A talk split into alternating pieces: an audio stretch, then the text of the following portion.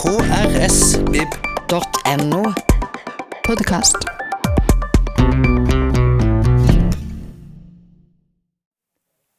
Hei og hjertelig velkommen til biblioteket.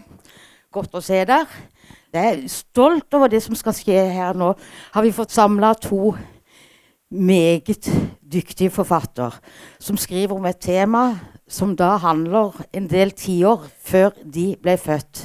Den ene veldig lokalisert her, den andre litt mer nasjonal. Jeg skal ikke bruke tida. Dere er kommet for å høre på noen andre. Så ta godt imot Simon Stranger, Gaute Heivold og Fredrik Vandrup.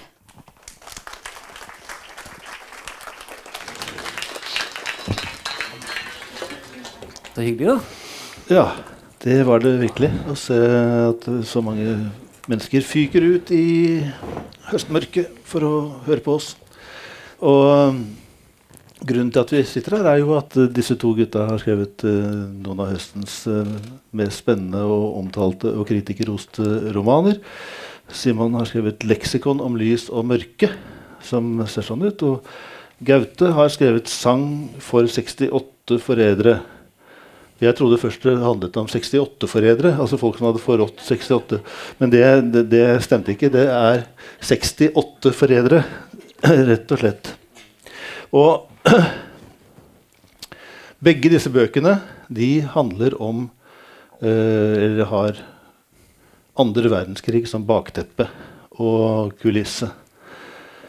Og jeg må jo bare få spørre dere først dere er jo unge mennesker, født 30 år etter at krigen slutta. Sånn pluss-minus. Og, øh, likevel så slipper ikke dette temaet tak i dere. Dere, dere grubler over disse tingene. Gaute har skrevet en bok før også. 'Himmelarkivet', som også tar tak i, i, i krigen. Så, så, Simon Stranger, hva er det med andre verdenskrig som er, lokker en uh, forfatter som uh, Ja, som kanskje egentlig burde bekymre seg over helt andre ting? Mye seinere. Jo, um, det er jo det at Jeg tenker at andre verdenskrig startet veldig mye før uh, andre verdenskrig, og, og, at den på mange måter ikke er slutt enda. og og krigen uh, er jo selvfølgelig ekstremt dramatisk. Den, setter alt på spissen. Uh, alt i menneskelivet. Og, og, når jeg reiser rundt på turné med, med, andre bøker, så treffer jeg jo Og når jeg holder på med denne boka her, så merker jeg hvordan krigen er så levende for så mange fremdeles. Uh, så det, det denne boka begynte med, åpningen for min del, var at jeg sto på kjøkkenet hos min svigermor på Nesodden for fem-seks år siden. Uh, og skulle hente meg en kopp kaffe. Barna holdt på å leke inne i stua. Lekte med som base på en sånn blå bade, sånn treningsball. Og datt i gulvet og lo og baste. Og så kom mannen hennes uh, ut. Hennes tredje og forhåpentligvis siste mann. uh, du syns det greier seg?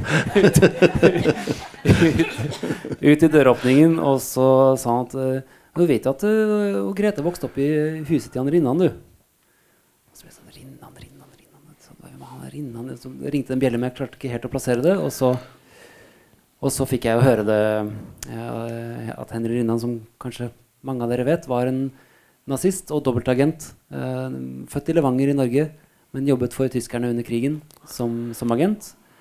Uh, og angiver. Infiltrerte den norske motstandsbevegelsen. Uh, og han hadde altså et hovedkvarter som ble kalt Bandeklosteret, som ligger litt utenfor sentrum.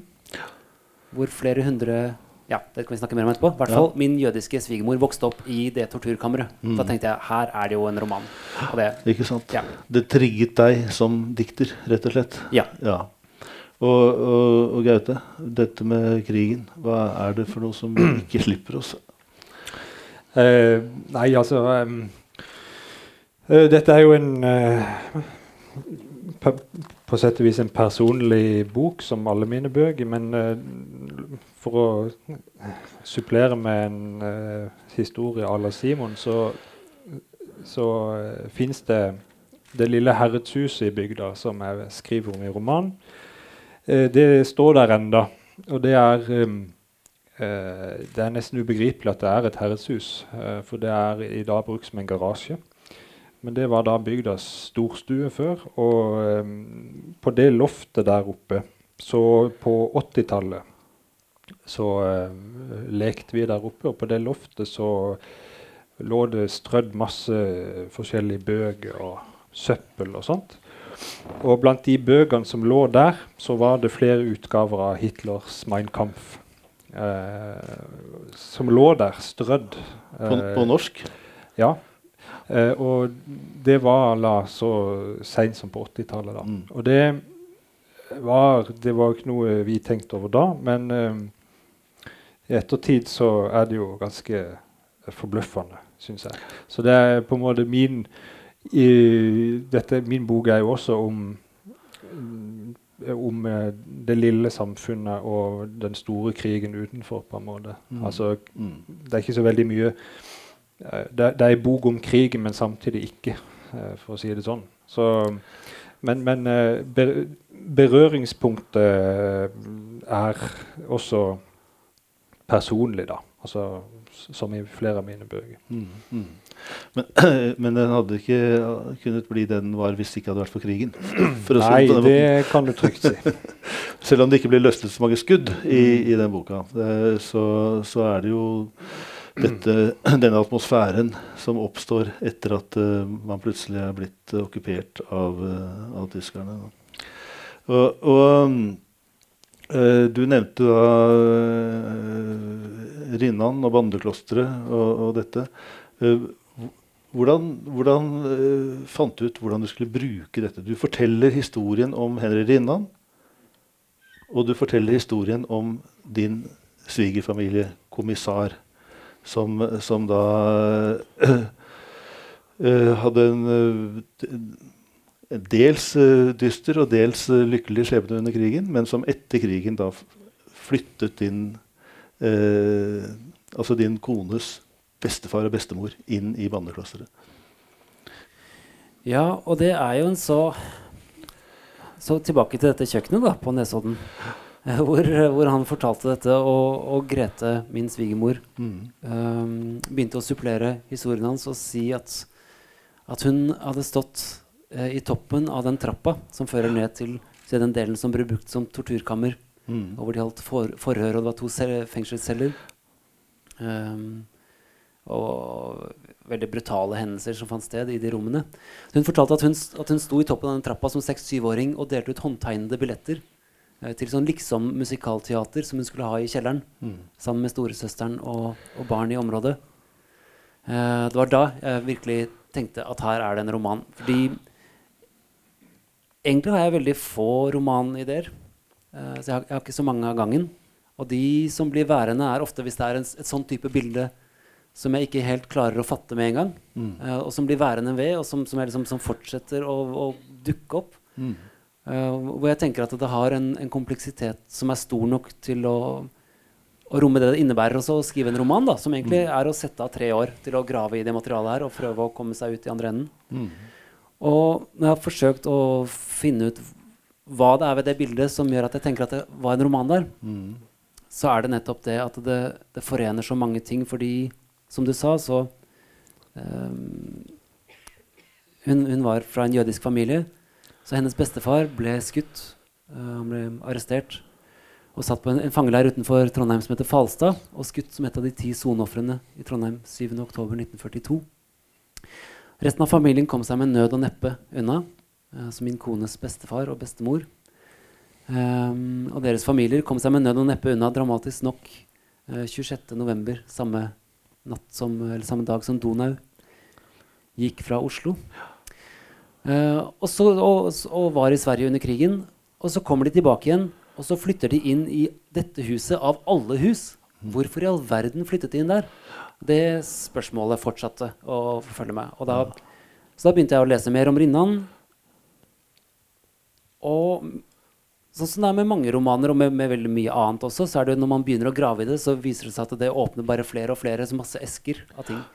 Um, så da ble det spørsmålet om hvor han, hvor han ble den skomakersønnen Henry Rinnan. En stillferdig gutt fra Levanger hvor han ble han en av norgeshistoriens verste forbrytere. Og en ganske sånn sadistisk kriminell. Mm. Eh, og, og hvor han påvirket dette huset, den familien som flyttet inn, og hvorfor i all verden gjorde de det. Ikke sant? Så, så på en måte storyen spredte seg ut i, mange, i flere retninger, Ja. som du ikke kunne la være å skrive om. Ja, Ja. da, Eh, Dere to forresten, dere to er jo gamle skolekamerater. Eh, Dere har eh, sittet på samme måten som dere gjør nå eh, under Eldrid Lundens kateter på, i, Bø i Telemark. Og, og, lært, å, lært å skrive romaner. Var Ja. dere, med andre ord, Klarte dere å lære å bli forfattere ved å gå på forfatterstudiet i Bø? Gaute først. Gaute kan, kan svare på det. For det er jo veldig omstridt. dette. Kan man lære å bli forfatter, eller er Ja. man forfatter? Ja, det er jo et spørsmål som kommer eh, hvert år, eller hvert andre år, eh, opp. Eh, og er, hver gang er det delte meninger om saken. Um, jeg mener ikke at vi lærte å skrive romaner i Bø. Um, for min del så eh, hadde jeg på sett vis Altså, jeg hadde skrevet min debutbok eh, før jeg begynte i Bø. så Um, men jeg ville ikke ha vært det foruten, fordi at man uh, For det første ble kjent med en kollega.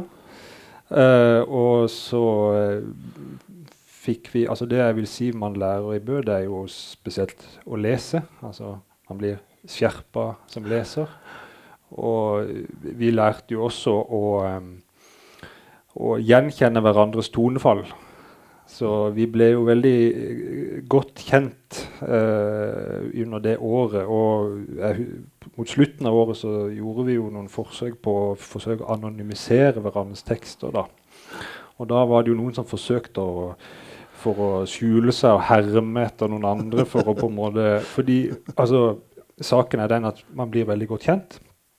Og det er jo et eh, man, noen som hevder at eh, alle blir Man kommer inn i Bø, da er man uh, forskjellig og skriver ulikt. Og kommer ut på andre sida, så skriver alle likt. Men jeg opplever at eh, egentlig, for mange i hvert fall, så blir man eh, så sprer man seg egentlig. Man Mm. på en måte blir mer bevisst sitt eget tonefall, da, hvis det kan kalles det. Ikke sant? Så eh, jeg føler ikke at vi eh, lærte å skrive romaner, men, eh, men noe eh, gjorde det iallfall med meg. Og det tror, jeg det, det tror jeg handler om det å, det å lese eh, tekst. Ja, i høyeste grad. For meg var det et veldig viktig år, altså. Fordi da hadde jeg skrevet sånn i skjul for alle. Uh, inkludert i skjul for meg selv.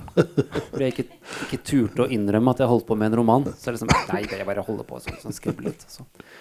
Så var jeg 4-25 da jeg kom ut av skapet. Mm.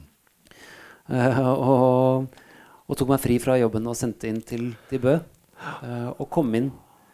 Og det er første gang jeg møtte andre som skrev. Og første gang i mitt liv hvor jeg ikke egentlig skulle studere på Blindern, eller ikke egentlig skulle uh, jobbe med noe og skrive på siden, men bare skulle jobbe med å skrive. Så det var jo helt fantastisk. Ja. Og alle som underviser her, er forfattere.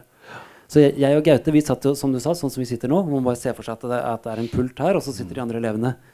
Og mange av de andre kom rett fra, eller En del av de andre kom rett fra videregående og brukte det året på å flytte hjemmefra. på en måte. Sove lenge på morgenen og liksom Mens både jeg og Gaute satt der som tente lys hver dag. Presis hele det året. Så jeg sugde til meg. Um, Med sterk konkurranse mellom dere to? Eller var det sånn liksom Jeg er best, du er best? Nei, Gaute var best, da. Ja, Gaute var best. da Ja, Gaute hadde jo inne et manus mens vi gikk der, og fikk det antatt. Og det kom vel søren meg ut også mens vi gikk der. Akkurat. Den våren. Ja, så Gaute vant.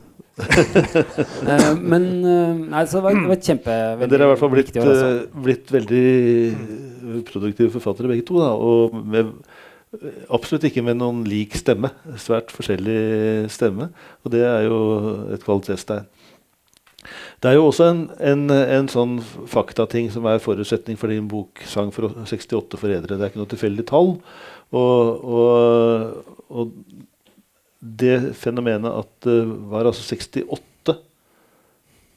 Av to, er det 200? Var det 200? Nei. nei det, det, står det så det står litt forskjellig, ja, forskjellige steder. ja, nei, det sto et, et, et, NRK Dagsrevyen sa det var 200 mennesker i Finland, og dermed tror alle det er 200. Nei, altså det var Og 68 er også et på en måte omstridt tall. Altså man kan om det Men det er omkring 70. da. Noen mener at det er 72. Noen mener det er Ja. 72 så Ja. Og hvordan man teller. Uansett så var det uh, ca. 70 av ca. 800-900 mennesker. Så prosentvis er det sånn 7-8 da. Så det er jo ganske betydelig uansett. Det er, det er jo, mer, enn mer enn de fleste andre steder. det er nummer to på landsbasis etter Valle i Setesdal. Uh, så det er uh, bemerkelsesverdig. Ja. Så, så dette er jo da eh, altså Som Simon sier, så eh, En roman i det må jo også ha i seg en, eh, for min del en fascinasjonskraft Ja. som, uh, som iallfall kan holde på min fascinasjon så lang tid det tar å komme seg ut på andre siden. Og eh, dette er en historie som, eh, som jeg har kjent til hele mitt liv, Mm. og som eh, Har det vært noe man snakker om i, i Finland? At, Nei, det er jo det det ikke er. Det er jo en historie som, har, som er godt kjent, men egentlig man ikke vet noen ting om. Um, og det uh, og det du, du, som du innleder med å spørre altså min generasjon og vår generasjon og, og krigen altså eh, Når jeg har nærma meg dette, så har jeg jo forstått at dette er det da Dette er jo ingen som vet noe om, da, i hvert fall ikke i min generasjon. Og eh, kan, heller ikke mine foreldres generasjon, og knapt nok mine besteforeldres generasjon. Så her er det noen som har eh, jeg har kalt det altså Når noen spør hvorfor hvorfor er det sånn at ingen eh, har, vet noe om dette, her, så, så, så har jeg så, sagt at det, det føles som at man har valgt da en strategi, uh, de, de som var involvert den gangen, for å Altså, dette var et, et veldig lite samfunn, og uh, krigen, som jeg sa, var i begynnelsen noe som foregikk utenfor bygda, men det var eh, en, et viktig vendepunkt, og det var lille julaften 1942, da det ble arrestert ni menn i bygda. Ja. Og øh, på det tidspunktet der så kom egentlig den store krigen, det store alvoret, Mm, som mm, slo ned, tror jeg, for mange. Fordi hovedtyngden av innmeldelsene i NS uh, foregikk høsten 1940. Ja. Og eh, det var såpass tidlig at jeg tror mange ikke eh, var helt klar over hva de meldte seg inn i. I din roman så er det jo særlig kjøpmannen i, på stedet som er veldig aktiv til å verve folk. Da. Og, og man får jo ikke liksom inntrykk av Han er i hvert fall ikke noen sånn Rinnan-type. Det er veldig stor Nei. forskjell på de to. Ja. Uh, og, men, han, men, han, men han legger ut lister i butikken som man kan skrive seg på omtrent som man skulle abonnere på smør. Eller, altså, er, Ja. og, og han lover dem, de som skriver under, får litt gratis tobakk. Og Ja. Det er en veldig snål måte å Ja. eh, Annerledes eh, sånn eh, Ja. nazi-greie Ja, den- den- enn det vi er vant til. da. Den sørlandske nazismen. uh, det er sånn vi gjør det her. Nei, um, det er Spørsmålet er jo også uh, hvorfor skjedde dette? Uh, hvordan, hvordan kunne dette skje? Og svaret på det er jo ikke eh, enkelt, altså entydig. Det er flere faktorer som, Mm. som var til stede da, som gjorde at det kunne skje. Og en viktig faktor var denne butikken som lå ca. midt i bygda. Og denne mannen som drev butikken, som var uh, ivrig uh, ja, nazist, da, for å si det sånn. Og som endatil fikk vervingsmedalje av Quisling Mm. for sitt arbeid. Eh, og uh, det er en viktig faktor. En annen ting er at det var mange ledende personer som også meldte seg inn tidlig. Mm. Bl.a. lensmann. Uh, og også Ord, ordfører og ordførerlærer. Altså de som på en måte ikke skulle ha meldt seg inn, Mm. gjorde det.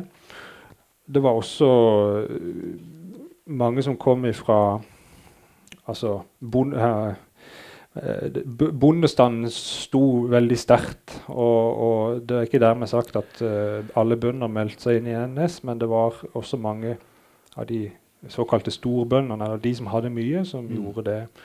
Og, um, så, så det var uh, en rekke med enkeltfaktorer som gjorde at uh, dette skjedde. da. Og eh, så, så min, min roman er jo egentlig Når jeg sier at det ikke er en roman om krigen, så, så, så er det jo det også. Men jeg har, jeg har følt at jeg har skrevet om folk. Jeg har skrevet om veldig mange uh, forskjellige karakterer. Og noen er bygd på virkelige personer, og en del vil folk som er kjent, vil kunne kjenne igjen uh, noen. Men det er uh, også i, i bunn og grunn en fiksjonell roman med fiksjonelle karakterer. Men det er jo bygd over denne bygda, det som skjedde. Men eh, som jeg har sagt før, altså man, man, man går ikke til mine bøker for å finne sannheten. Altså jeg skriver ikke altså Jeg skriver dokumentariske romaner, men jeg, eh, jeg utgir ikke dette for å være altså, dokumentarisk etterrettelig. Altså, det er eh, en fiksjon som er bygd over eh, visse faktiske kulisser. Da. Mm. Og det, Mm. det er jo et grep jeg har gjort flere ganger før. Men det virker veldig troverdig, iallfall. Det, det, det kan man jo trygt si. Og, det er jo mange elementer i din bok, Simon, som, eh, som har med krigen å gjøre. Og en av dem er jo den eh, glupende interessen for Henry Rinnan. Hva som gjorde han til eh, nazist. Det har du gått inn i med virkelig snudd hver stein og forsøkt å, å finne ut av det. Men syns du du har funnet det ut? Hva som gjorde at denne her uh, raringen Det er mange, det er mange Ja. mennesker som, som blir ertet og tråkka på, og, og som er, er små og rare. Og, og de, blir ikke, de blir ikke torturister av den grunn. Nei, de gjør ikke det. Um, jeg tenker at han er det uheldige sammenfallet mellom personlige tilbøyeligheter og historiske hendelser. Ehm, som, um, som Det som skjer, er at Hen Henry Rinnan var uvanlig lav. Han var 1,62. Um, noen steder står det 1,61. Um, Til mann å være. sånn. men ja, ja, ikke sant? Sånn høyde kan jo Kona mi som har vært sammen i 20 år, avslørte i fjor at hun ikke er 1,62,5, som hun alltid har sagt, men 1,61,5. Ikke sant? Så I hvert fall. Det, um, jeg har lest masse biografier om han. Det fins masse stoff om Rinnan. Det fins opptak uh, fra rettssaken, eh, rettsdokumenter. Så det, det, det det ser ut som har skjedd, er at han følte seg utenfor. eh, i, særlig i ungdomstida. Mm. At mens andre gutter på hans alder Og det er jo noe med, det er noe med gutter som er i, i barndoms- og ungdomsårene som er veldig sånn basalt. og veldig eh, hvor, hvor gutter kan se på hverandre og ganske kjapt se hvem som er sterkest. Det fins noen sånne elementer som er veldig lite uh, pene uh, i vår natur. Og så han, føler, han føler seg utenfor. Um, og så, i en av biografiene om ham, så, se- så er det en scene som jeg har brukt hvor han, han får seg lappen veldig tidlig, som var uvanlig på denne tiden. Og ble da sjåfør for andre folk som skulle til, sånn dansetilstelninger rundt omkring i Nord-Trøndelag. Så han kjørte dem rundt, og så når de spurte om han ville være med inn, så takket han nei. Fordi han sa at han hadde en date med en gift dame i nærheten. Og det tenker jeg er bare bløff.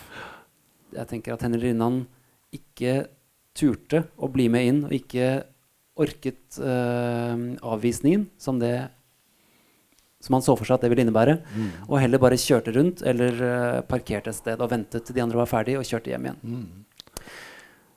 Men så skjer det at han faktisk får seg en kjæreste på en tidspunkt. Um, og han får seg en jobb.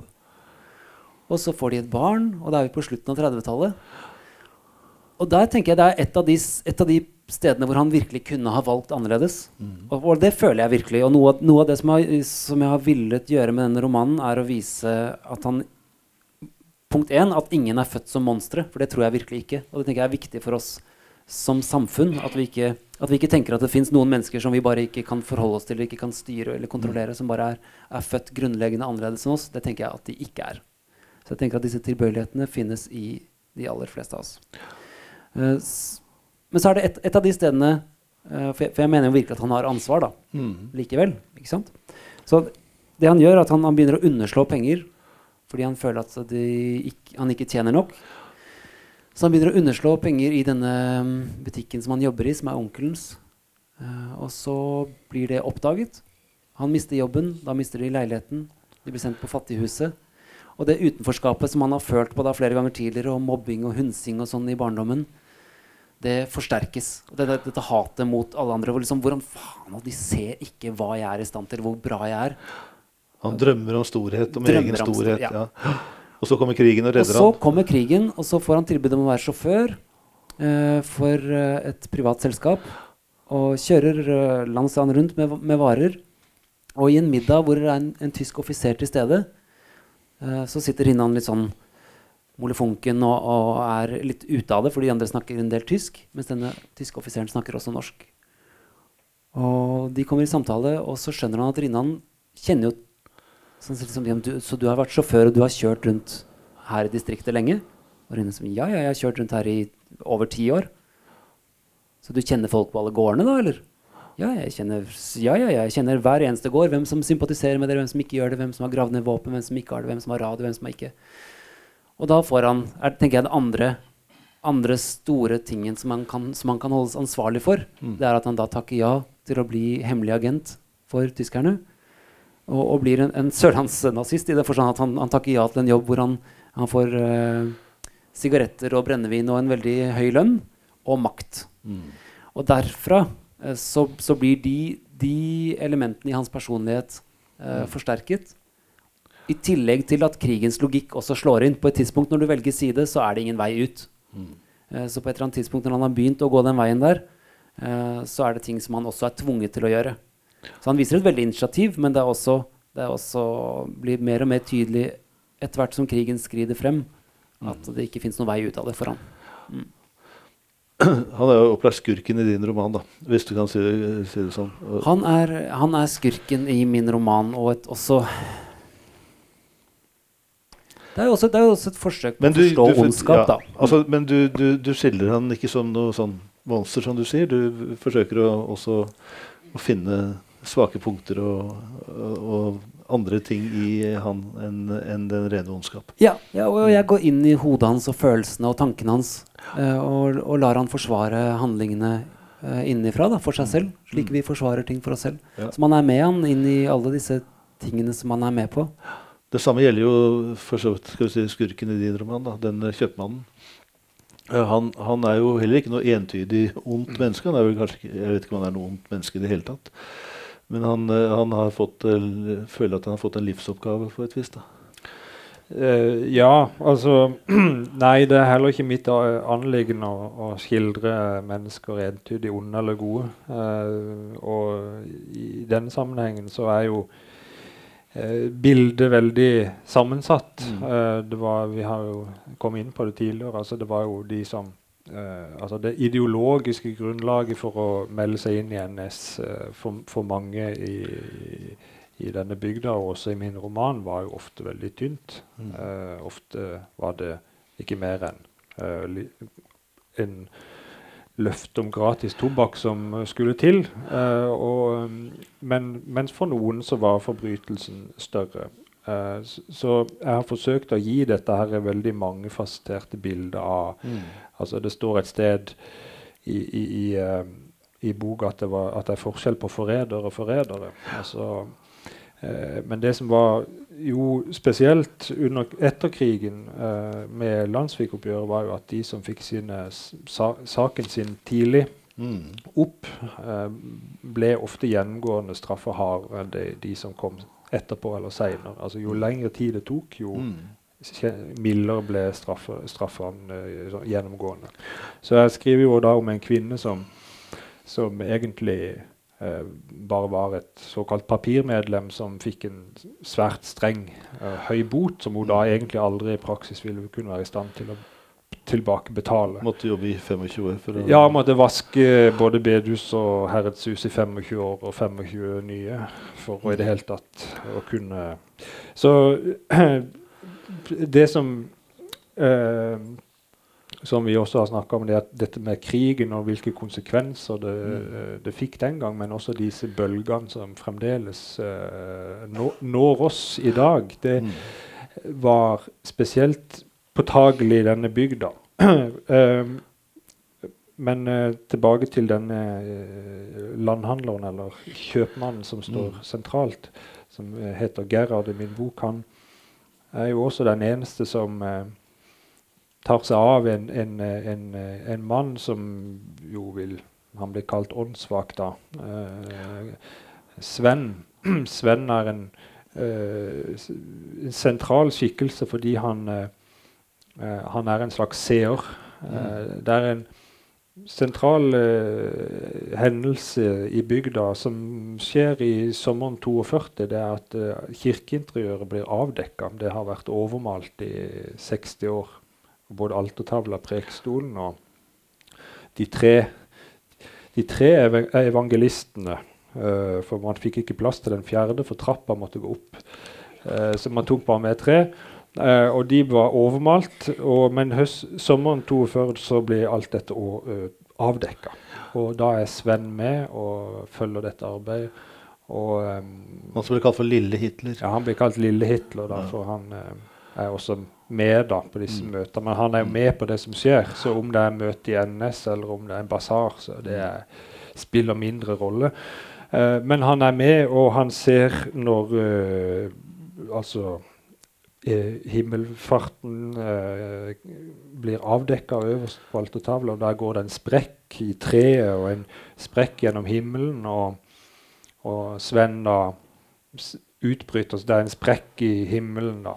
Eh, men det var virkelig en uh, opplevd som en sprekk, for denne, jeg, jeg beskriver denne sprekken som at den går gjennom Jesu eh, e- ene hånd, og den fortsetter gjennom kirka, og den fortsetter østover gjennom bygda, og den deler bygda i to. Mm. Eh, og, det, og den deler bedehuset i to, og den eh, skaper da et skille. Og denne Sven er den første som ser det, på en måte. Mm.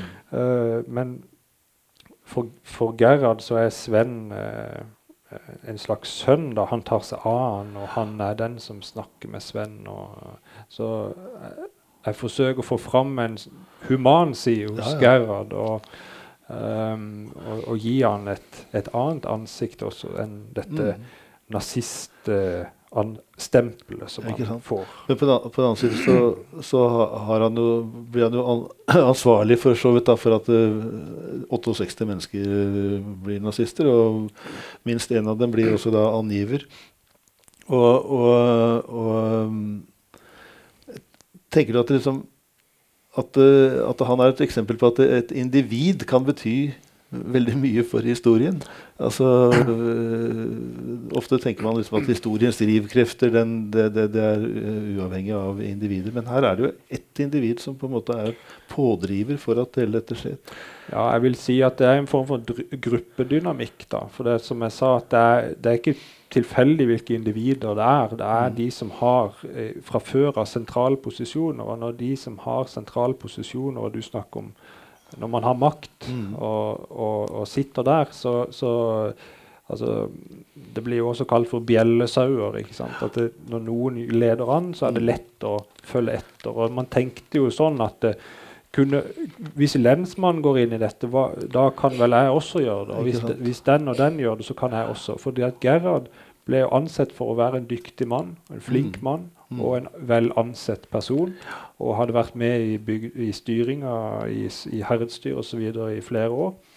Så det som er farlig, det er jo når eh, personer i, i, i maktstilling og posisjoner da gjør feil, feil valg. da. Mm. Eh, og da kan det på en måte rive med seg eh, flere, sånn som her. Mm.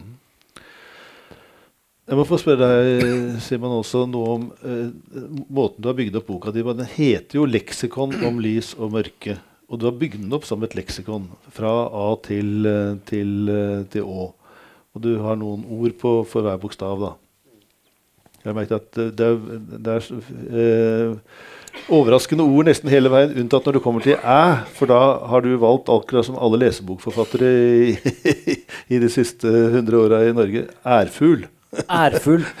På æ er det ærfugl. Det er morsomt at du observerte det. Det la jeg inn ganske seint. Men ærfugl er en fugl som er, er sånn spesiell for det området. Så jeg tror jeg hadde en, en korttekst som bare handlet om ære først. Men ja, eh, romanen er bygget opp som et, eh, et løst leksikon. Ja, og det er på en måte litt sånn Det skaper litt avstand til, til det brutale innholdet, da. Fordi det er, er jo også da en lek med, en lek med struktur, Ja. og en lek med ord. Ja, et, eh, et, romanen er jo en kunstform.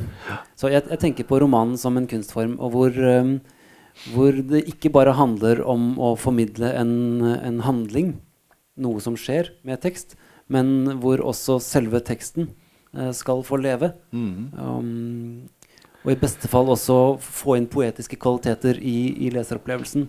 Så at, så at det, er, det, er, det er korte Det det gjør, er at det lager en regel. Så da vet man som leser veldig tidlig at eh, hvert, hvert avsnitt skal begynne på den bokstaven. Så den begynner altså, A for anklagen, A for uh, arrestasjonen, A for alt som skal forsvinne. Så er man i gang med romanen. Så det, det, det gjør at man kan, tid og rom kan opphøre i boka. Mm. Uh, Så jeg kan forholde meg helt fritt til, til tid og rom. Så kan man få korte passasjer. B for betongen. Så får man en, en kort prosatekst. Samtidig som man hele tiden vet som leser at man skal vende tilbake til disse hovedhistoriene som gradvis blir fortalt, og som går nokså kronologisk fra Rinnans barndom. Og også I tillegg er hele romanen også utformet som et brev til, til Hirsch-kommissar. Det er han som ble drept på Han som ble arrestert, som er, er da oldefaren til kona mi. Som kanskje ble angitt av Rinnan, det vet du jo ikke. Det spekulerer du litt i. Nei, Ja. som, jeg, som kanskje eller kanskje ikke ble angitt av Rinnan. Det var i hvert fall noen som De var fem jøder i, i Trondheim som ble, som ble avlyttet mens de snakket om nyheter som de bare hadde tilgang til hvis de hadde en radio. Mm. Um, på Bonheimen kafé så ble de fem arrestert. Um, tre av de ble drept i mars, og så ble han drept i, i oktober. Så, men det, det er den romanen jeg, jeg skrev den ikke som uh, i den formen først. Så jeg, jeg jobbet meg fram sånn som jeg ofte gjør. At jeg liksom jobbet med å skrive fram scenene og egentlig liksom modellere litt som, en- som en Mm. kunstner. på en måte liksom Grovmodellere først. Um, så, men jeg ble veldig glad da jeg fant denne inngangen til det. Um, jeg tenkte sånn, er det sånn Men hva hvis jeg setter alt inn i leksikon? Hva, som, A for anklagen passer jo. A for arrestasjon passer jo. A for avhøret passer jo. B for barndom. B for bandeklosteret. Og så tenkte jeg C. C blir vanskelig på norsk. Men så har du C for Carl Fredriksens Transport på Carl Berners plass i Oslo. Carl, Carl Fredriksens Transport var en gruppe med fire eh, frivillige nordmenn eh, som drev en hemmelig transport av, eh, av motstandsfolk og jøder ut av eh, Norge Mm, til Sverige. Fra- ja. ja, til Sverige fra senhøsten eh, 42. eh, og i seks uker før de ble infiltrert. og det ble, det ble slutt på det. Så fra, det, fra da av så ble jeg sånn de sjelden, sjelden lykkelige øyeblikkene som forfatter når man føler at alt bare passer. Og jeg føler at alle bitene, alt det jeg hadde fra før av, på en måte sånn magnetisk bare dro seg på plass. Um, så etter det så, så er det en del jobb likevel, selvfølgelig, men, men en veldig gledesfylt jobb. Og det, Mm. det jeg håper at disse tekstene skal gjøre, er at, at de også skal liksom gi litt luft og litt lys og en sånn estetisk glede for leseren. Mm. Eh, Fordi deler av dette materialet, det blir jo på en måte Det handler jo om holocaust. Så det som ligger under, er jo at seks millioner mennesker ble drept. Um, mange av dem barn. Uh, mange av dem, jeg fikk en telefon fra en eldre dame nå for ikke så lenge siden som sa at hun hadde gjort en oppregning. I hennes familie var det 33 stykker i hennes nærmeste familie som var borte. Så det er jo så grusomt at jeg ofte har vanskelig for å snakke om det. Mm. Og det, man tenker på, hvis, hvis de hadde fått leve, så er det um, Hvis de ikke hadde blitt drept, så hadde det vært kanskje 50-60-70 millioner mennesker ville de ha vært nå. Mm. Ikke sant? Hvis de hadde fått barn og barnebarn og oldebarn. Og motsatt. Hvis min kone hadde levd på den tiden, Mm. så hadde hun blitt dratt i Auschwitz og drept. Det samme hadde barna mine. Mm. Så nå har vi rett ved Markens, ikke sant? I Mm. juli i fjor så gikk den nordiske motstandsbevegelsen gjennom her. Så dette tankegodset det tar jo ikke slutt. Nei, ikke sant. Ja. ja. Nei, det, er- det, det, sånn sett så er det jo aktuelt stoff. Dessverre. Så, og, og det har blitt mer og mer tydelig synes jeg, i arbeidet med romanen her, at jeg har tenkt på det som et historisk prosjekt. Men det er jo søren ikke det. Nei. Dette tankegodset vil jo bare ikke forsvinne. Du snakket om kirken i stad. Når jeg har gjort research på det her, så, så kom jeg over sånn pussige ting som jeg, som jeg ikke visste om fra før. I forhold til jøde- eller antisemittisme. Mm. At Martin Luther ga ut en bok eh, på, på 1540-tallet eh, omtrent. Som het 'Om jødene og deres løgner'. Som er virkelig sånn så, så utrolig hatsk. Så til å være en eh, til å være en kristen mann, som han må håpe på at han var, så er den ualminnelig hatsk. Og veldig, sånn, veldig fordømmende. Mm.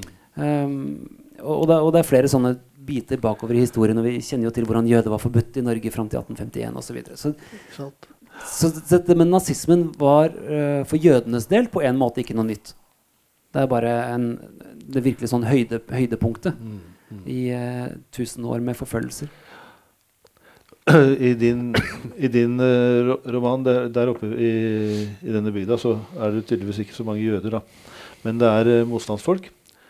Og, og det er et, eh, si, et sterkt vendepunkt i, i boka di når disse uh, Er det åtte stykker som blir arrestert? Og, og du har en skildring av den ene av dem, Gunnar Mesel, som blir til, dratt til arkivet og torturert. Og det er sju-åtte sider der som er ganske, ganske kraftig kost, egentlig. Uh, har, du har skrevet om disse tingene før i Himmelarkivet. Er, er, det, er, det, er det problematisk for deg å skrive om sånne ting? Uh, ja, det er det på et nivå, Uh, men det er som Simon sier, at når du For meg handler det om å finne en form på, hvor, på, på et stoff. da. Så, men, og når du har funnet en formen, så kommer ofte stoffet av seg sjøl. Og da i hvert fall blir jeg litt sånn distansert til det liksom emosjonelle innholdet. Altså jeg, det, det blir mer en slags sånn lykksalighet over å få det til. da. Um, det høres jo ganske grotesk ut, men uh, det gir jo iallfall meg en, en, eh, en slags glede da, med å kunne eh, finne denne formen og finne hvordan man skal skrive det. Så um, jeg har egentlig et sånn litt dis distanse til uh, når jeg skriver det. Men det har, det har hendt når jeg har skulle lese opp ting etterpå, uh, lenge etter jeg har skrevet, at jeg har blitt uh, sånn uvel og, av, av ulike bøker da jeg har skrevet. da. Så da, da er på en måte den der eh, estetiske distansen borte, da, og da møter jeg teksten som en eh, leser plutselig. Men eh, Nei, det er, det er altså det Når jeg snakker om dette, denne boka i, opp mot Simons bok, så er det klart at eh, dette er en annen side av nazismen, og det er en annen side av krigen, for å si, si det på den måten, enn den på en måte den offisielle historien vi kjenner i dag. Ja. Altså I dag sitter vi med fasiten, på en måte. Vi kan se forbindelser, og vi kan uh, sette ting sammen. Uh, de menneskene jeg beskriver, uh, de kunne ikke det. Altså Noen kunne det allerede da. De fleste kunne det allerede da, men det var likevel mer eh, komplisert da. Og Eh, jeg skriver ikke dette for å unnskylde noen eller eh, i den retning, men jeg forsøker da å gi et bilde av Mm. hvordan en slags gruppedynamikk kan slå ut i et Ja. lite samfunn. Men i, dere, mø, dere møtes på en måte i denne kjelleren på arkivet og kjelleren på Mandeklosteret. Det blir, det blir på en måte to, ste, to, to steder i hver deres roman som, hvor, hvor ondskapen får slippe helt fritt løs. Og, og hvor, hvor krigens uh, mest brutale konsekvenser kommer til, uh, til uh, uttrykk. Og det, det, det Det kan ikke ha vært bare enkelt å, å, å, å skildre de scenene der nede fra Bandeklosteret på slutten. Nei, det er jo den, den blir jo mer og mer brutal, den historien. Og det um, Jeg føler det ganske hardt å skrive de bitene, altså. Um, det er et stort alvor ved det, fordi det er, det er, det er et stort alvor ved å skrive fiksjon også, men dette her er jo virkelige mennesker. På, på slutten Det som skjer på, på eh, Dette er helt på slutten av krigen. eh, så har um, Så får Rinnan et tips om at en ekskjæreste av ham, eller en elskerinne egentlig, da, eh, er i ferd med å som, som var med i banden en stund, og så, så vil hun ikke være med mer. Hun drar til Tyskland og er der noen år, og så kommer hun tilbake til Norge og vil reise over grensen til Sverige eh, med den nye kjæresten sin, som også, som også er nazist. Og så får uh, Rinnan snusen i dette her, at de skal, for han har svært kontaktnett i Trøndelag. Uh, det er han som arrangerer flukten for dem. Så de får beskjed om å dukke opp et spesielt sted, og der venter det en bil på dem, og det er Rinnan som er sjåføren. Så han kjører dem til, eh, til bandeklosteret, og så blir det holdt en liksom-rettssak. Og alt dette her er historisk materiale. En liksom-rettssak hvor han er dommer og aktor i stua. Um, de blir dømt til døden. Ført ned i kjelleren. Um, og Rinnan er med på å drepe denne elskerinnen sin. Og så noe som er sånn nesten som grenser til galskap. Og i hvert fall er veldig avslørende for hans person, er at det, det, er, eh, det er en annen også som blir drept der. Og så skal Rinnan bestille tre kister for å frakte likene. Og de har en sånn direkte linje fra, ned til, til hovedkvarteret um, i Trondheim sentrum. Så bestiller han dry Kisten, men dry Kisten er da altså tre kasser. På tysk ikke tre kister. Så litt etter så dukker det opp tre kasser på døra. Og istedenfor å da innrømme at, at han ikke er så god i tysk, og at det liksom ja, ja, ja, men da må jeg bare gjøre denne bestillingen på nytt, så tvinger han to av mennene sine til å partere likene eh, for å få dem oppi disse kassene. Så det er helt, helt dit eh, går denne romanen. Og det er klart det er um, Jeg kan sånn nesten touch se at jeg kan skrive nesten i blinde etter hvert. Og det, jeg, jeg følte til å begynne med da jeg skrev de første bøkene mine, som jeg også er veldig glad i, altså, så følte jeg likevel at det var som om jeg lekte med personer der ute. At det var på en måte som, som å ha noen sånne lekefigurer, så kan man flytte rundt på dem og gjøre ting med dem. Men de siste bøkene så har jeg prøvd å komme tettere og tettere og tettere og tettere på, og virkelig være der og lukte og føle og kjenne. Ja, da er det jo helt grusomt. Så på et eller annet tidspunkt så sitter jeg og griner over tastaturet. Det er blitt min arbeidsmetode i alle bøkene. Det ene, så det er jo helt, det er jo helt jævlig. Og så kommer barna hjem, og så er det liksom Ja, ok. Ja, nei, jeg har vært torturist og partert folk i dag, men skal vi så, Skal vi ha til middag i dag, da? Kutte kylling og ja. Så, så det er jo et spesielt yrke vi har. Ikke sant? Og der har du, du også drevet ganske Ganske realistisk research eh, Ja, altså- fra arkivkjelleren. da. Ja da, altså Jeg kjenner jo igjen det Simon sier. altså Romanen 'Himmelarkivet' er jo også den første boka der jeg også skriver om virkelige mennesker. Og eh, den gangen så følte jeg virkelig altså Den handler jo da om en motstandsmann, Louis Hogganvik, som ble eh, ført til arkivet, som jo var eh, Gestapos hovedkvarter her på Sørlandet. Og han ble torturert, og til slutt så tok han sitt liv med å kvele seg selv med biter av, svelgebiter av av Mm. Eh, og det var en sånn usedvanlig brutal eh, ting. Og eh, han ble, liket hans ble senka i havet utenfor Oksefyr, og på denne turen ble også flere russiske krigsfanger he hengt i, i skipsmasta og senka i havet sammen med ham. Så det er en uforferdelig historie.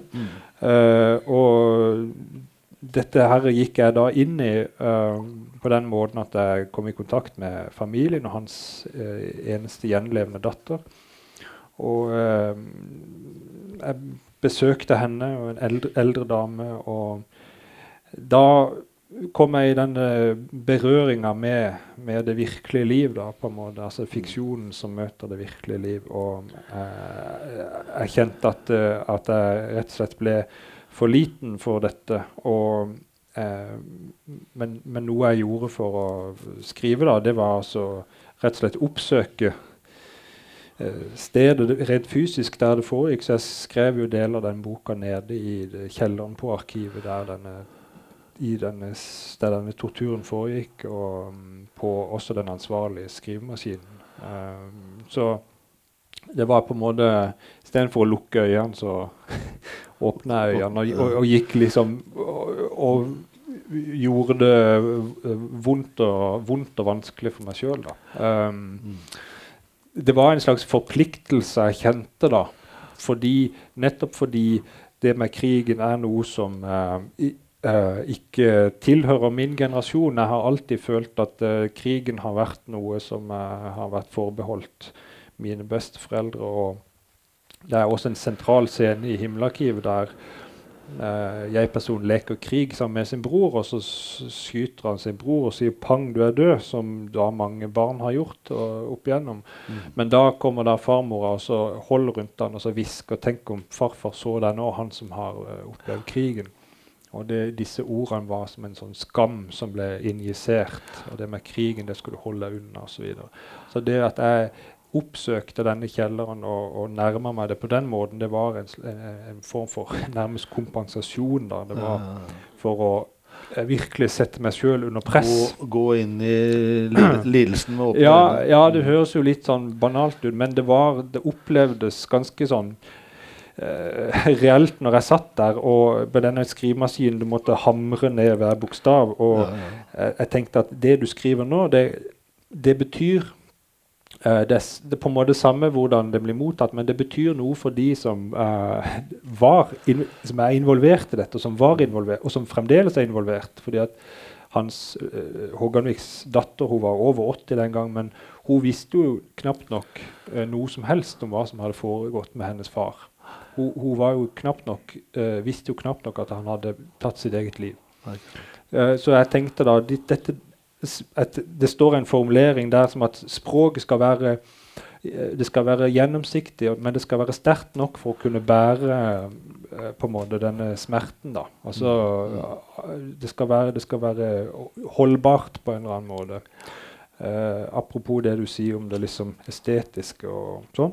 Altså, det skal være Jeg skal kunne makte å, ho- å holde dette. Eh, så eh, jeg, jeg, er ikke, jeg, er ikke, jeg er ikke ukjent med å nærme meg på en måte de smertefulle tingene. og sånn, og, um, Men allikevel så tror jeg ehm, det, det jeg sier med formen og det, det, det For meg så skaper det en slags avstand i det. da, At jeg klarer å, å distansere meg fra det når jeg skal gå inn i det. I, I innledningen til uh, Himmelarkivet så er det et sitat uh, hvor det står 'Glemselen arbeider for oss alle, både for de levende og for de som er døde'. Og dette med glemsel er jo et interessant begrep i denne sammenhengen. Glemsel kan være positivt i den forstand at uh, du legger det vonde bak deg, men det kan også være negativt ved at, du, at menneskeheten på en måte glemmer så fort at de gjentar gjentar sine feil og svakheter opp gjennom historien. Um, men dere har åpenbart uh, det synet at uh, det har noe for seg å forsøke å huske det som har skjedd. Ja, det Det mener jeg virkelig at vi må og skal. Og at um, ideelt sett så bør jo holocaust være bunnivået i europeisk historie. Ikke sant? Det bør være det mørkeste mørket vi noensinne vil havne i. Um, denne boka åpner med at, at vi besøker en, et, et kunstverk som heter En snublestein, som jeg ikke vet om dere kjenner til. Kanskje dere har det her i Trondheim også? Nei, Kristiansand. Eh, her i Kristiansand er vi nå. Det er ikke så nøye. Eh, som er en sånn messingplankett, eh, like stor som en brostein, som blir satt utenfor eh, husene til jøder som ble drept under andre verdenskrig. Så står det bare navnet på den som bodde der, datoen for når de ble født, og datoen for når de ble drept. Og meningen med dette kunstverket er er, det er en tysk kunstner som står bak. Han sier at grunnen til det er at i den jødiske tradisjonen så sier man at et menneske dør to ganger. Mm. Den første er når hjertet slutter å slå. Uh, mens den andre gangen er når navnet ditt sies for siste gang, Mm. eller tenkes på. Som kan være 50 eller 100 eller flere hundre år senere. Så disse snublesteinene skal holde disse menneskene i live. Som er et veldig veldig vakkert prosjekt. Mm. Uh, og denne ro romanen min er et forsøk på å gjøre dette uh, også. Men samtidig Det vi skylder de som døde, og det vi skylder oss selv også, tenker det er å se hva vi kan lære av det. Og det En av tingene vi kan lære av dette, er hva som Hvordan er det vi omtaler minoriteter i dag? Hva er det som skjer i det øyeblikket vi tillater oss selv å dele inn mennesker i grupper og si oss og dem? Du snakket om disse russiske eh, soldatene som ble hengt opp eh, i, eh, på disse båtene. I Trondheim så, så var det en fest som, som jeg endte opp med å stryke i romanen, tror jeg. Uh, hvor, uh, hvor disse nazistene har en fest hvor de, hvor de drikker, eh, og så, og så får disse russiske fangene til å bli hengt samtidig. I en sånn fyllerør. Um, så det, det som skjer når man, når man tillater seg selv å, å, å lage et, et skille mellom oss og dem, da kan man begynne Det er der dehumaniseringen begynner. Og det er kanskje det, det siste argumentet jeg trengte for å skrive denne romanen så eksplisitt sitt formmessig i forhold til ord, er nettopp det at det er ordene som skaper virkeligheter som til syvende og sist fører til handlinger, og som kan føre til folkemord i aller ytterste konsekvens. Og dette, dette må vi Vi må ikke glemme. Ikke sant? Og din, din bok eh, eh, munner jo også ut i en slags bønn om tilgivelse. Altså en bønn om, bønn om at menneskene må kunne tilgi seg selv, på et vis. da, Om du kan si det på den måten. Ja, at vi må tilgi oss selv, men, men ikke det er, det er noen som har, som har forstått uh, noen av tingene jeg har sagt rundt denne romanen, som, som om jeg mm, på en måte vil uh, bortforklare Rinnans handlinger, eller um, det, Jeg mener det stikk motsatte. Ja. Så vi Tilgivelse er et stort spørsmål, men jeg mener at, at Sør-Afrikas apartheidprosess, eller etter apartheid, viser at nesten hva som helst kan tilgis. Men det krever jo at det krever at gjerningsmennene virkelig angrer. Um, men Så jeg mener at vi kan tilgi. Uh, og en, en mann som er med i denne romanen, som heter Julius Paltiel, som jeg traff, uh, som var i Auschwitz, som opplevde de grusomste ting, og som overlevde dødsmarsjen til Buchenwald. Uh, han overlevde at alle de andre jødiske fangene der ble skutt. Og de var Det var vel 770 jøder som ble fraktet ut av Norge, og de var 35 som kom tilbake. Så jeg møtte han en gang i et middagsselskap hos, eh, hos bestefaren til kona mi. Og det var et møte som gjorde så sterkt inntrykk på meg, fordi eh, man skulle tro Det ville vært veldig forståelig om han hadde vært full av hat ehm, og, og, og bitterhet over alt det han hadde mistet, og alle senskadene som han åpenbart slet med. Han hadde sånn dårlig tatovert fangenummer. Men det hele mannen lyste av godhet. Det var et møte som gjorde utslettere inntrykk på meg. Um, men han forholdt seg ikke til dette her ved å glemme. Han brukte hele resten av sitt yrkesaktive liv på å reise rundt og snakke om farene ved fas- fascismen. Mm. og snakke om nazismen og snakke om hva vi ikke må gjøre, og hva vi må lære eh, av andre verdenskrig. Så vi må tilgi, men vi må ikke glemme.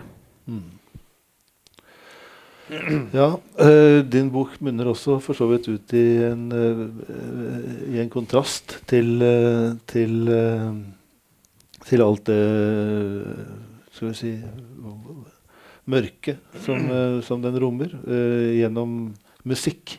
Gjennom sang. Den heter jo 'Sang for 68 foreldre', og, og det er gjennom da en figur som du som du, som du opererer med, som heter Andreas, som er altså da en musiker utenom det vanlige.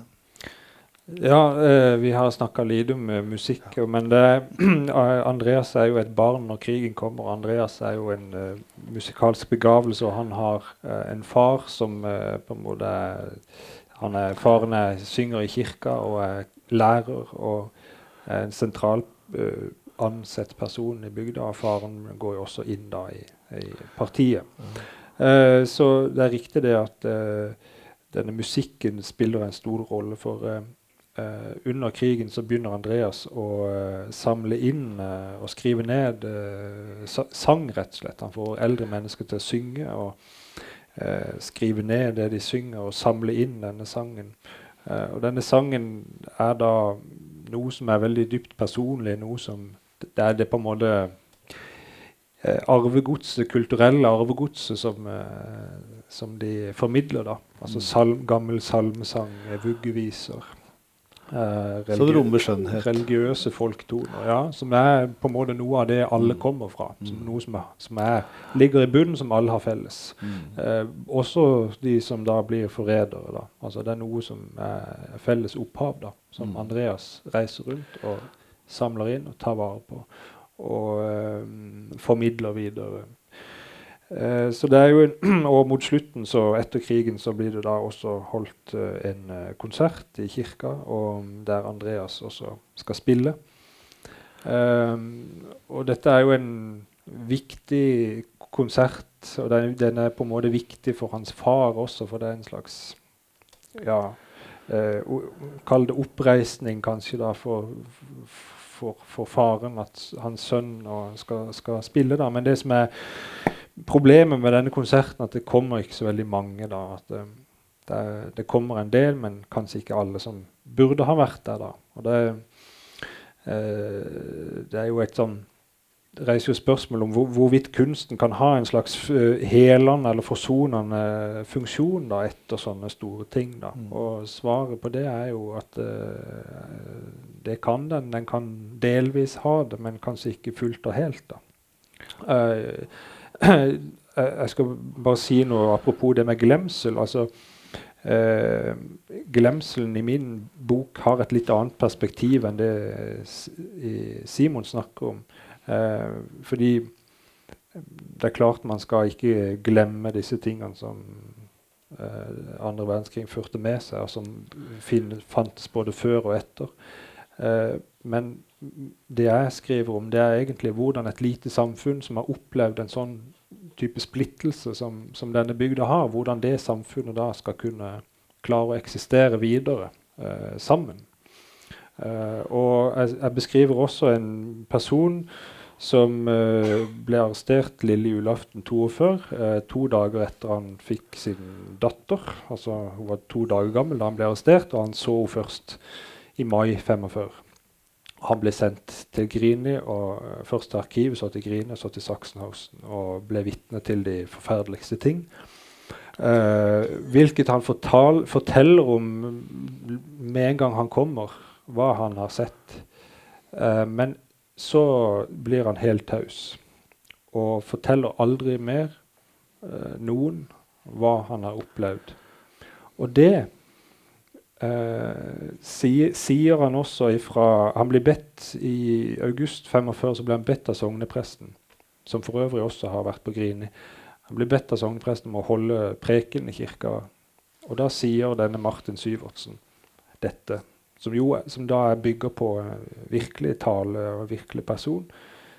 Uh, han sier at uh, vi skal ikke la dette hatet få spillerom. Vi er nødt til å gå videre på en eller annen måte. Altså vi er nødt til å Han sier ikke i klartekst at vi skal glemme, men han sier det nesten.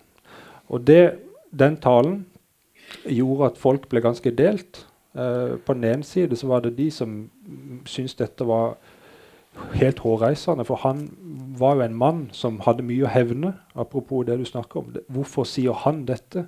Han som har fått eh, ødelagt hørsel og fått varige traumer. Hvor, hvorfor, hvordan kan han si dette? Uh, og så var det også de som mente at uh, det er et riktig pers perspektiv. Men det som da skjedde i denne bygda, det var at denne glemselen den ble, uh, den trådte i kraft. Og eh, det var nok også eh, en av eh, forklaringene på på hvordan denne bygda kunne klare å fortsette å, man kunne klare å fortsette bo sammen. For man, eh, denne Martin han ble arrestert av eh, lensmannen. altså Lensmannen i bygda var med på flere av disse arrestasjonene. så Han var med på å arrestere sine egne. Og eh, da kommer de tilbake igjen og skal leve side om side med, eh, Mm. Med, med disse forræderne. Så det, det tror jeg var en slags strategi da, eh, for datidens mennesker. For jeg har opplevd det mange ganger eh, i berøring med historisk stoff at uh, i dag så er det det i, I dag skal man man skal snakke om ting. ikke sant? I, man skal ha, få det opp i lyset, man skal belyse ting og sånt. Og det, men men den, den gangen så tror jeg man tenkte eh, annerledes. Man tenkte at det som er vanskelig, det skal vi skyve unna, det skal vi la ligge, det skal vi fortie. Og det var en slags måte å uh, komme videre på. Mm. Mm. Men, uh, og resultatet av det, som jeg sa innledningsvis, er at mm, man vet veldig lite om det som foregikk da i denne bygda, hvorfor, hva, hvem, hvorfor man ble medlem, og hvem som ble medlem, og sånt. Og veldig mye som har blitt fortida. Men jeg tror det var en strategi, eller en, noe man gikk inn for, nærmest. Fordi man visste at uh, man skulle fortsette å leve sammen. Nå vet man i hvert fall mer i, etter at du har skrevet denne boka. Og det er klart det er fantastisk. Publikum sitter jo helt naglet her. Og jeg, eh, vi har holdt på i eh, over en time. og Vi må, vi må jo gi oss. Selv om vi sikkert kunne holdt på å fortsette å snakke om dette lenge. Bøkene er til salgs bak i, i lokalet her. Og jeg, kan, jeg må jo si at det er jo to, en gyllen anledning til å få tak i to av høstens beste romaner eh, med signatur fra de herværende forfattere. Og jula er jo står jo rett for døra. så, så tusen takk til dere, Simon Stranger og Gaute Heivold, og tusen takk til publikum som har fulgt oss her. Tusen takk. Takk for meg.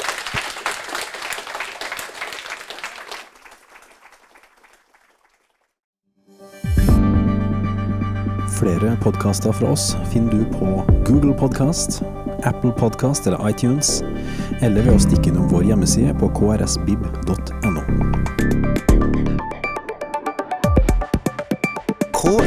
krsbib.no. Podkast.